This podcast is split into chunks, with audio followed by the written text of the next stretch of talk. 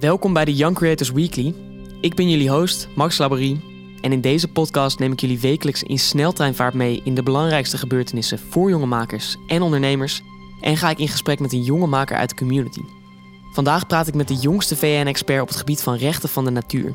De 24-jarige Jessica Den Outer heeft er voor haar baan opgezegd. Ze heeft een mooi appartement in Amsterdam ingeruild voor thuiswonen bij haar ouders. En heeft er keihard voor gewerkt. Onderzoek doen, artikelen en boeken schrijven, consultancywerk, lezingen geven. We gaan het hebben over dit gloednieuwe vakgebied in het recht en over haar opofferingen om haar carrière in te maken.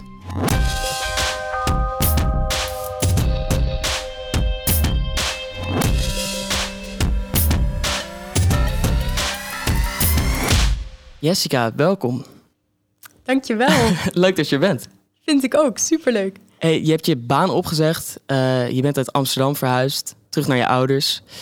Um, en dat allemaal om in Earth-Centered Law uh, carrière te maken. Hoezo?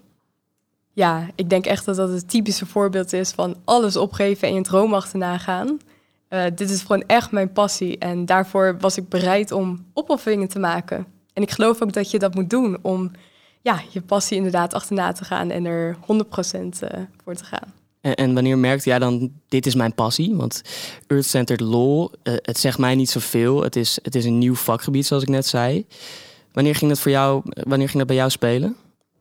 Ja, in 2017 studeerde ik internationaal milieurecht. En het klinkt heel cliché, maar eigenlijk tijdens die studie uh, leerde ik honderden wetten over biodiversiteitsbescherming en rechten van de zee, nou noem het maar op, allerlei milieuwetten. En toch triggerde er iets mij, omdat er nog zoveel crisissen zijn. We hebben een biodiversiteitsverlies, we hebben klimaatverandering. Het wordt om ons oren gegooid eigenlijk elke dag. En dat uh, bracht mij tot rechten van de natuur. Ik dacht, het moet toch anders kunnen? Hè? Dus er moest een soort nieuwe aanpak komen of zo? Ja, we moeten op een andere manier naar de natuur kijken. We moeten een andere aanpak ook in het recht vormen. En dat is eigenlijk Earth-Centered Law. Dat het welzijn van de aarde centraal staat in het recht. Ja, want, want ik, ik was ook wel benieuwd, wat betekent dat dan? Uh, Earth-Centered Law. Um, en, jij, jij, geeft ook lezingen om, om te laten zien wat dat dan is. Uh, uh, je neemt mensen mee op een reis door de diepe jungle van Colombia, de heilige rivieren in Bangladesh, noem maar op. allemaal landen die al rechten aan de natuur hebben gegeven. Um, kan je ons eens meenemen in, in een inspirerend geval van rechten van de natuur, waar het dus al wordt toegepast? Ja, eigenlijk kan ik je in heel veel voorbeelden meenemen. Dit is een beweging die in uh, 1972 ontstaan is uh, door een uh, auteur die hierover schreef. En anno 2021 zijn er 25 landen die rechten van de natuur hebben opgenomen in hun wet of regelgeving. maar het mooiste voorbeeld vind ik altijd Nieuw-Zeeland. Daar heeft de Wankwane-rivier rechtspersoonlijkheid. En dat is eigenlijk ook echt waar ik voor strijd hier in Nederland, voor de Maas.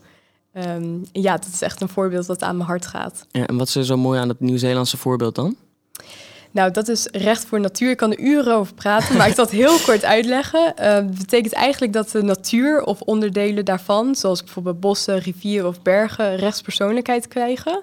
Net zoals bijvoorbeeld in Nederland bedrijven dat hebben, of gemeenten of waterschappen. En uh, in het geval van Nieuw-Zeeland hebben ze dus rechtspersoonlijkheid toegekend aan een rivier.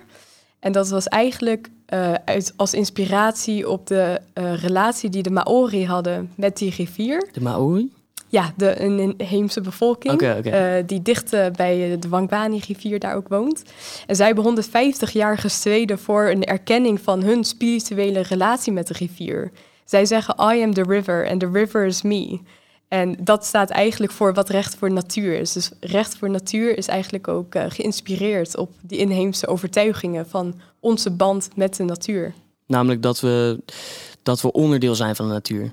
Ja, zeker. En eigenlijk ook daaruit vloeit ook het idee voort dat de natuur geen bezit hoort te zijn. De natuur hoort van zichzelf te zijn. Wij mensen kunnen daar geen claim op leggen. Mm. En eigenlijk nog meer uh, het erkennen van de intrinsieke waarde van de natuur. Dus de natuur heeft waarde omdat ze bestaat, niet omdat wij er menselijke waarden, zoals bijvoorbeeld uh, het gebruik van hout voor meubelen maken, aan toekennen. Ja, dus, dus het heeft intrinsieke waarde en, en niet omdat wij het uitbuiten, uh, kunnen uitbuiten. Precies, en door de natuur een rechtspersoonlijkheidsstatus te geven, um, zorg je eigenlijk voor dat er geen eh, menselijke gebruiken meer worden verbonden aan de natuur. Dus eigenlijk bij- bijvoorbeeld in Nieuw-Zeeland zien we dan dat die rivier eh, minder beveld wordt. eh, of, of dat er met meer respect met die rivier wordt omgegaan. Of hoe zien we eh, die rechten van de natuur dan terug? Nou, eigenlijk heel praktisch. Hè? Dus rechten van de natuur worden gewaarborgd door menselijke voogd. En die menselijke voogd die vormt eigenlijk de stem van de natuur in processen die, of beslissingen die haar welzijn aangaan. Dus dat, heel praktisch gezien zou dat bijvoorbeeld zijn als er een nieuwe dam wordt gebouwd in de Wangwani-rivier. Dan zou menselijke voogd namens de rivier spreken in, eh, in zo'n eh, overleg bijvoorbeeld. En, en hoe, hoe wordt die menselijke voogd dan aangewezen? Is dat een soort commissie of zoiets? Ja, dat is dus echt iets wat in verschillende landen verschillend wordt gedaan. Ehm, in Nieuw-Zeeland zijn er bijvoorbeeld ehm representatoren vanuit de overheid, maar ook vanuit de Maori-stam. Oké. En in andere landen zijn het enkel mensen vanuit de overheid, maar per land wordt dat anders ingedeeld. Oké.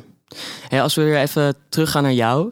Ehm, jij bent dus de jongste eh VN-expert in dit vakgebied. Ehm, we hebben het net al gehad over dat je, eh, dat je allerlei opofferingen hebt moeten maken om ehm, hierin je carrière te maken in dit nieuwe vakgebied.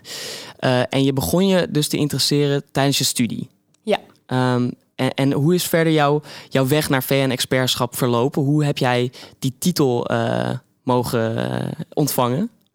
Ja, eigenlijk zoals ik net vertelde, ik was dus aan het studeren en ik schreef mijn scriptie over recht voor natuur, omdat ik dacht, we moeten anders. We kunnen een eh, andere rechtsvorm aannemen om klimaatverandering, biodiversiteitsverlies en dergelijke aan te pakken.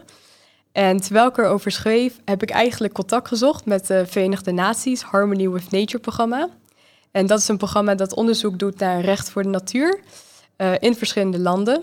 En zodoende ben ik eigenlijk begonnen met onderzoek voor hen te doen. naar de wereldwijde voorbeelden van bijvoorbeeld Ecuador, maar ook Nieuw-Zeeland, waar we het net over hadden. En, is dat dan een soort wetenschappelijk onderzoek? Of dat was dus niet verbonden aan de universiteit, dat onderzoek dat je daarvoor deed? Of wel? Nee, dat was eigenlijk ehm, hè, hoe zijn die rechten gemanifesteerd in verschillende landen en hoe heeft zich dat vormgegeven.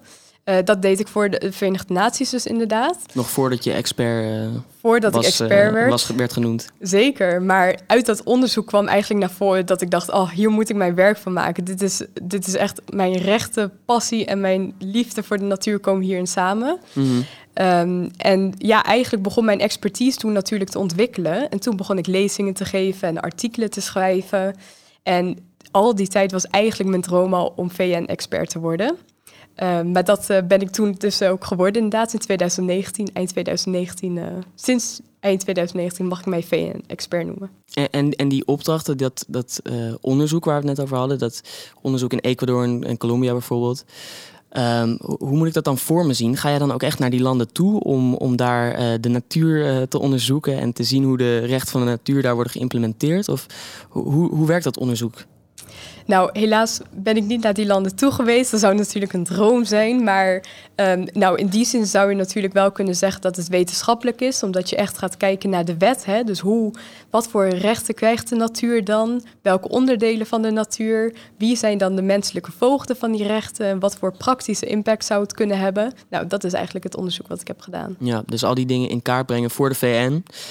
En, en uiteindelijk eh, had je dat zo mooi gedaan dat je zulke, zulke goede lezingen eh, gegeven, artikelen geschreven, dat zij zeiden, weet je, jij bent VN-expert. Ja, ja, en dat was een hele eer. Ja. Mhm. En, en ehm, eh, als, we, als we dat verhaal van, van geïnteresseerd in rechten van de natuur naar VN-expert moesten vertalen naar één tip. ehm, die je kon meegeven aan jongelingen die aan het luisteren zijn. Hoeven niet per se mensen te zijn die ook VN-experts willen worden, maar groots dromen. Eh, wat zou dat dan zijn?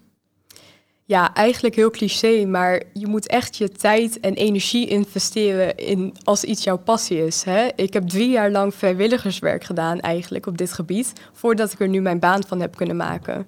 Dus dat zou ik heel graag mee willen geven. Investeer je tijd en energie en dan komt het uiteindelijk ook wel de komende kansen op je pad.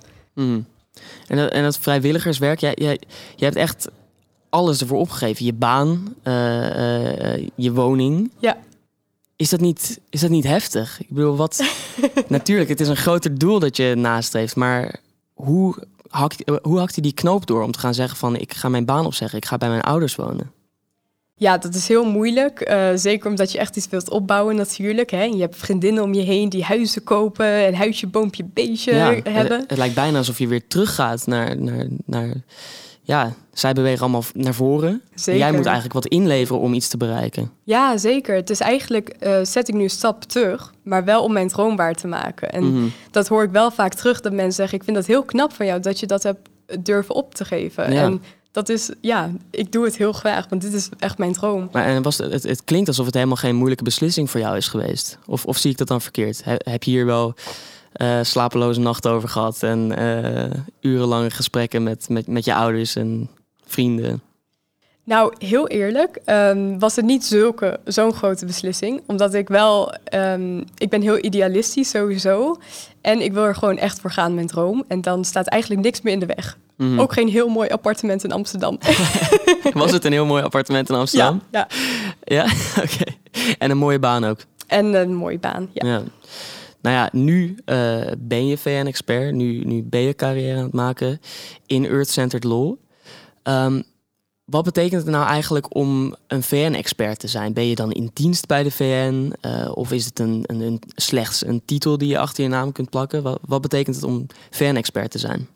Ja, het is eigenlijk enkel een titel. Um, ik werk niet voor de Verenigde Naties, um, maar dit is echt een programma die een soort pool van experts heeft. En die experts die rapporteren elk jaar terug aan de Verenigde Naties met de ontwikkelingen in hun land op het gebied van Earth-Centered Law. Dus dat is bijvoorbeeld recht voor de natuur.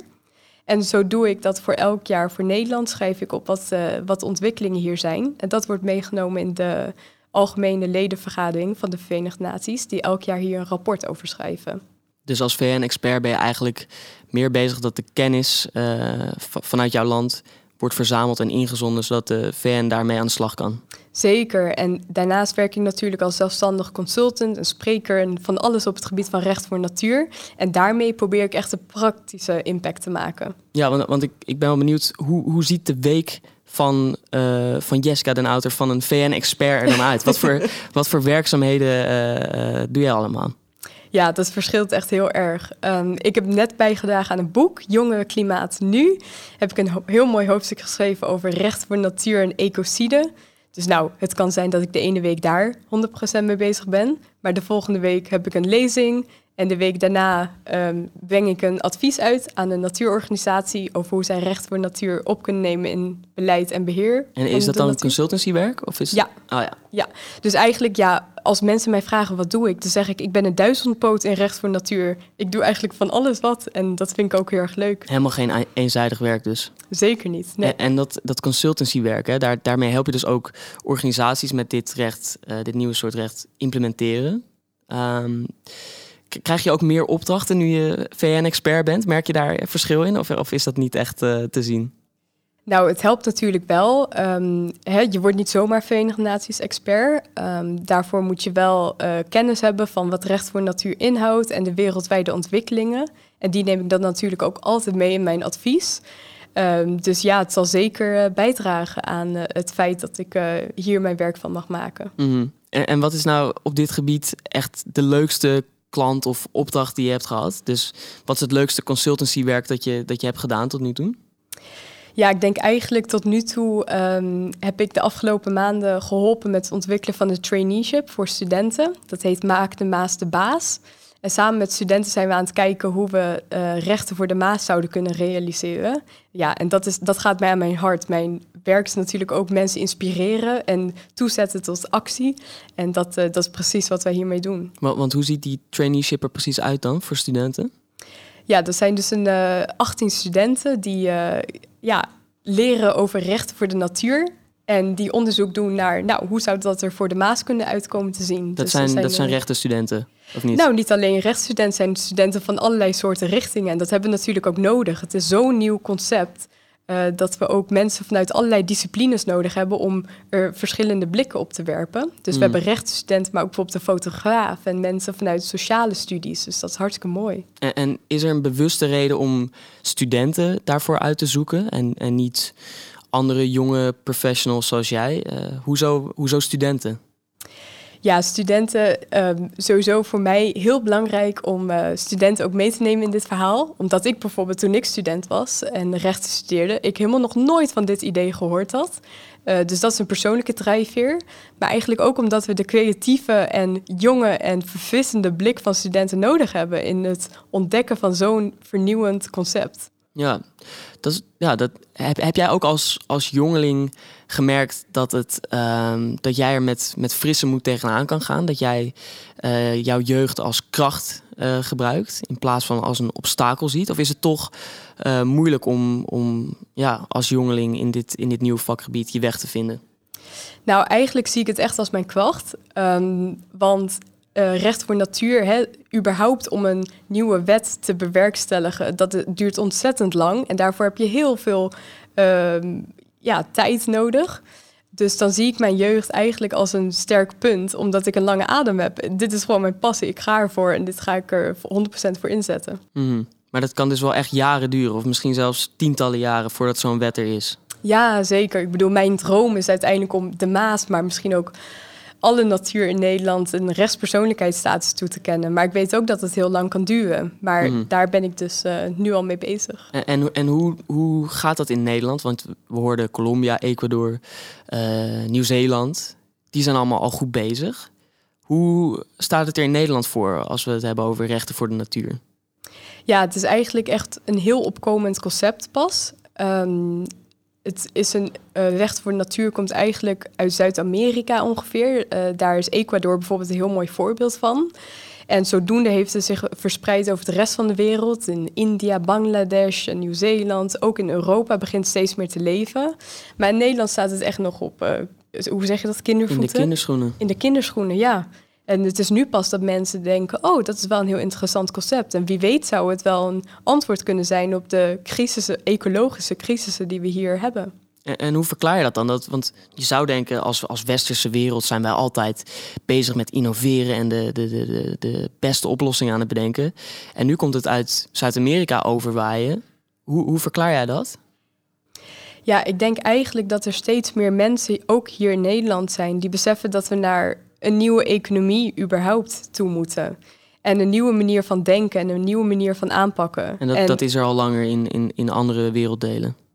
Nou, wel in het Westen denk ik dat dat steeds meer opkomt. En inderdaad, waar je op duidt, in Zuid-Amerika um, is er al een heel ander concept van duurzame ontwikkeling. He, daar gaat veel meer in harmonie met de natuur, met de samenleving. En ik denk dat veel meer mensen in Nederland daar nu ook bewust van worden. Dat we ook aan het kijken zijn, hoe kunnen we daar naartoe? Ja, dus eigenlijk die, die switch tussen uitbuiten van de natuur en onze omgeving voor ja, economische groei, die uh, is elders al uh, ingezet. En die begint hier nu ook een beetje tractie te krijgen.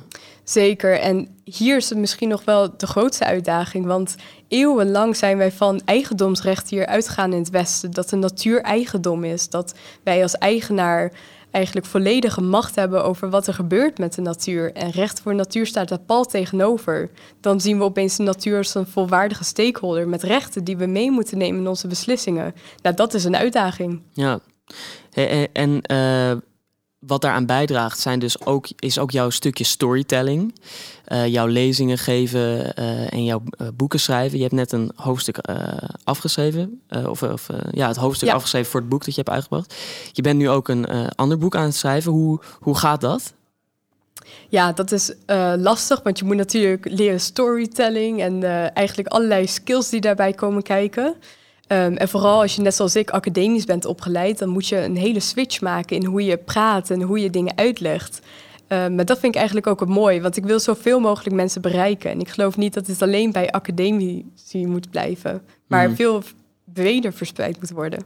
Dus eigenlijk het, het, doel van dit boek is dus ook om het onderwerp uh, Earth-Centered Law te laten leven onder een heel breed publiek. Zeker, ja, dat is echt mijn doelstelling. Ja, en, en, en, en die lezingen, um, bij, wat, bij wat voor soort uh, uh, gelegenheden is dat? Ja, eigenlijk van alles. En dat is ook het mooie aan recht voor de natuur. Het heeft natuurlijk een heel juridisch aspect, waarbij we praten over rechten en over rechtspersoonlijkheid van de natuur. Maar eigenlijk nog veel meer de filosofie erachter. Hè? Dus die inheemse overtuigingen dat de natuur van zichzelf is, dat het intrinsieke waarde heeft. Ehm, dus die filosofie die neem ik heel erg mee in mijn lezingen. En daardoor trek ik niet alleen juristen aan, maar geef ik ook lezingen aan studenten of onlangs ehm, mensen in het bedrijfsleven. Dus eigenlijk allerlei soorten ehm, ja, vlakken. Mhm. En, en, dat, dat onderdeel van, van de, de, de, de bredere filosofie, hè? ik lees ook uh, terug dat taal daarin heel belangrijk is. Zeker. Ja. En dat je eigenlijk uh, taal moet veranderen, woorden moet veranderen. Uh, de betekenis van, van natuur en hoe, hoe die ten opzichte van de mens staat, die moet in taal veranderen. Hoe doe je dat in vredesnaam? Hoe, hoe bewerkstellig je dat dan? En waarom is dat zo belangrijk? Nou, eerlijk gezegd denk ik dat ik het nu ook fout doe in deze podcast. Ik vind het zelf ook nog een uitdaging. Maar waar we eigenlijk naartoe willen, is dat we niet meer over de natuur praten alsof dat iets buiten ons is. Hè? We willen toe naar dat wij erkennen dat wij mensen onderdeel zijn van de natuur. En ik denk dat heel veel mensen dat wel erkennen, maar toch praten we over de natuur alsof dat iets buiten ons is, terwijl wij ook onderdeel daarvan zijn.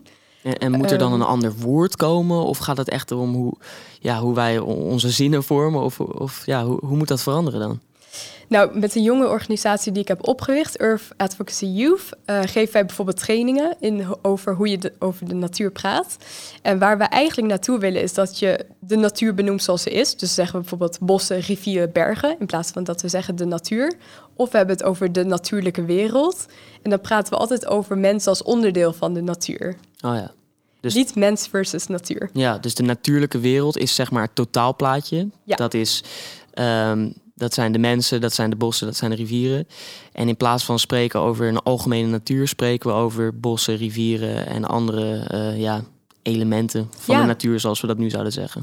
Precies, maar daar zit wel een hele uitdaging in. Want hè, bijvoorbeeld als ik over recht voor natuur spreek, spreek ik ook over de natuur zoals jij en ik dat begrijpen. Maar dat is ook om de boodschap over te brengen. Maar in een dieper stadium zouden we natuurlijk toe willen nadat we uh, ja, dat woord op een andere manier gebruiken. Ja, en die trainingen, dat is daar dus onderdeel van, om, om dat, om dat te, te laten gebeuren. Zeker. En, en met welk idee is de uh, Earth Advocacy Youth opgezet? Want jij bent daar dus co-founder van. Um, ja, wat voor mensen uh, lopen daar rond en, en met welk idee is dat dus opgezet? Ja, dat zijn eigenlijk uh, zes jonge juristen, waaronder ik, uh, van over de hele wereld, die samenkwamen en zeiden: Ja, wij willen hier gewoon een jonge organisatie over oprichten.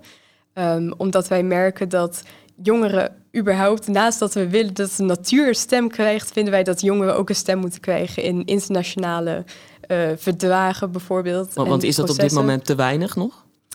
Um, ja, misschien wel. Ja, ik denk überhaupt dat jongeren veel meer inspraak kunnen hebben. En op dit vlak vonden wij dat ook. En wij houden ons bezig met Earth Jurisprudence. Heel veel moeilijke woorden vandaag, maar dat houdt eigenlijk in. Nou, we hebben vorige week ook een podcast gehad over jurisprudentie. Dus, uh, oh, maar, maar, is mooi. Maar, uh, wat houdt het in? Ja, dit is ietsje anders, denk ik, want dit is meer de rechtsfilosofie over de aarde. Okay. En daaronder valt dus Earth-centered law. En dat is dan weer het juridische aspect, zeg maar. Maar eigenlijk gaat het er beide om dat het welzijn van de aarde centraal staat. En daar doen wij onderzoek naar. En nou, wij zijn juristen van huis uit, dus wij doen dan onderzoek naar recht voor de natuur. En hoe we natuurlijk over de natuur spreken. Maar het gaat dus, gaat dus bij Earth Advocacy Youth gaat het wel iets meer over het rechte stukje um, dan je misschien in, je, in, in, bijvoorbeeld in je lezingen uh, naar voren komt. Ja, zeker. Hè? Met die jongere organisatie geven wij bijvoorbeeld advies.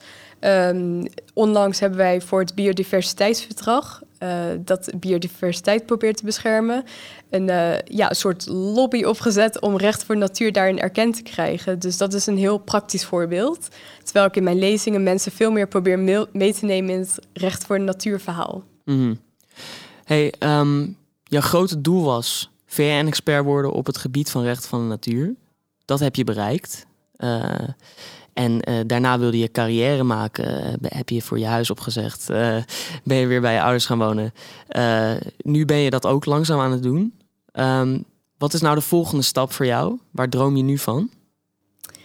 Ja, eigenlijk gaan mijn dromen wel verder dan mijzelf. En dat is wat ik net al zei. Ik hoop heel erg dat we recht voor natuur erkend kunnen krijgen in Nederland. Ik vind dat we er klaar voor zijn. Ik vind mensen zijn klaar met de crisissen die we hier in Nederland zien, vooral wat betreft de natuur. En ik denk dat dit een heel mooie oplossing is en dat we collectief naar een nieuw denken toe kunnen. Ehm, maar voor mijzelf uh, hoop ik uiteindelijk dat ik natuurlijk weer een mooi appartementje in Amsterdam kan huren. ja, ben je klaar met, uh, klaar met het huis delen met je ouders? Ja, precies. Terug naar Amsterdam. Oké, en, en uh, ja, dan, dan rest me eigenlijk de vraag: hoe kan de Young Creators Community jou helpen om jouw droom te verwezenlijken om, om weer in Amsterdam te gaan wonen, maar ook om dit onderwerp te tackelen van Earth-Centered Law? Nou, ik denk echt dat de Young Creators Community hier mij echt heel erg zou kunnen helpen. Um, omdat ik heel veel vakkennis heb en inhoudelijke ervaring. En bijvoorbeeld ook met mijn jonge organisatie. Maar waar wij niet goed in zijn, is de businesskant. Dus hoe maken we dit duurzaam voor iedereen? He, zoals ik net vertelde, ik heb dit allemaal moeten opgeven om mijn droom achterna te gaan. Maar op een gegeven moment moet je natuurlijk ook realistisch zijn en doorgaan. En daarom zou ik het geweldig. Ja, eigenlijk komt het daar wel op neer. Dus ik zou het echt geweldig vinden als er via de Young Creators Community een sparpartner of een business coach of iets in die trant is, uh, waarmee we zouden kunnen praten van hoe kunnen we dit, bijvoorbeeld een online product opzetten of hoe kunnen we er ook geld aan verdienen. Ja, en dat gaat dan vanuit uh, Earth Advocacy Youth of in het algemeen? Ja, vanuit Earth Advocacy Youth zijn we daarnaar op zoek, maar eigenlijk ik zelf ook. Dus helemaal geweldig als iemand met ons hierover wil praten. Laat ze maar komen. Hey uh, Jessica, heel erg bedankt dat je hier met mij wilt praten. Ik wens je heel veel succes uh, met Earth Advocacy Youth, met het schrijven van je boek, je consultancywerk. Ik hoop dat de Maas weer de baas wordt. En uh, uh, dankjewel voor je tijd. Super, dankjewel. Afgelopen week kwam de EU met goed nieuws voor alle start-ups van nu en van de toekomst om innovatie te stimuleren. Het zogenoemde Startup Nation Standard Framework, hele mond vol, moet Europa een sterkere concurrentiepositie geven ten opzichte van de VS en China. Het moet onder andere makkelijker worden om medewerkers te belonen met aandelen, werkvisa's voor buitenlands talent verkrijgen en het opstarten van een bedrijf moet sneller en goedkoper worden. Bedrijven kampen na de coronacrisis met zulke hoge schulden dat het economisch herstel van Nederland daardoor wordt bedreigd. Daarom ontkomt het kabinet er ondertussen niet meer aan om sommige ondernemers hun belastingsschuld kwijt te schelden. Dat meldde Klaas Knot, president van de Nederlandse Bank, bij de presentatie van het jaarverslag. Hij denkt dat dit de schatkist een paar miljard euro gaat kosten. Tegelijkertijd gelooft Knot niet dat de golf aan faillissementen apocalyptische vormen zal aannemen, zoals sommige mensen ondertussen wel suggereren. Just setting up my Twitter. Dat schreef Jack Dorsey op 21 maart 2006 op Twitter. Het was de eerste tweet ooit. Zonder twijfel had hij nooit verwacht dat deze tweet 15 jaar later verkocht zou worden voor ruim 2,5 miljoen aan een zakenman uit Maleisië. Dorsey doneert het volledige bedrag aan een goed doel. En dan niet in euro's of dollars, maar in bitcoins. Mediteren en ondernemen gaat hand in hand. Althans, als je de laatste paar afleveringen van de Weekly kunt geloven. Vorige week vertelde Koen Arns hoe het hem een betere ondernemer heeft gemaakt. We hoorden Pascal van Steen die vertelde over mediteren en andere self-improvement challenges. En weekly gast Koen van Hees van Story of Ams heeft net een vlog geplaatst over mediteren op de werkvloer. Link in de show notes. We zoeken bij Young Creators iemand die enthousiast is om een nieuw concept uit te denken, goed is op het gebied van sales en makkelijk in een team werkt. Als partnership manager is aan jou de taak om samen met een deel van het team op zoek te gaan naar partners en sponsors om het project naar een hoger niveau te tillen. Daarnaast zijn we bij Young Creators op zoek naar een nieuwe boardmember. Iemand die zich als chief online in wil gaan zetten om de community naar een nog hoger niveau te tillen.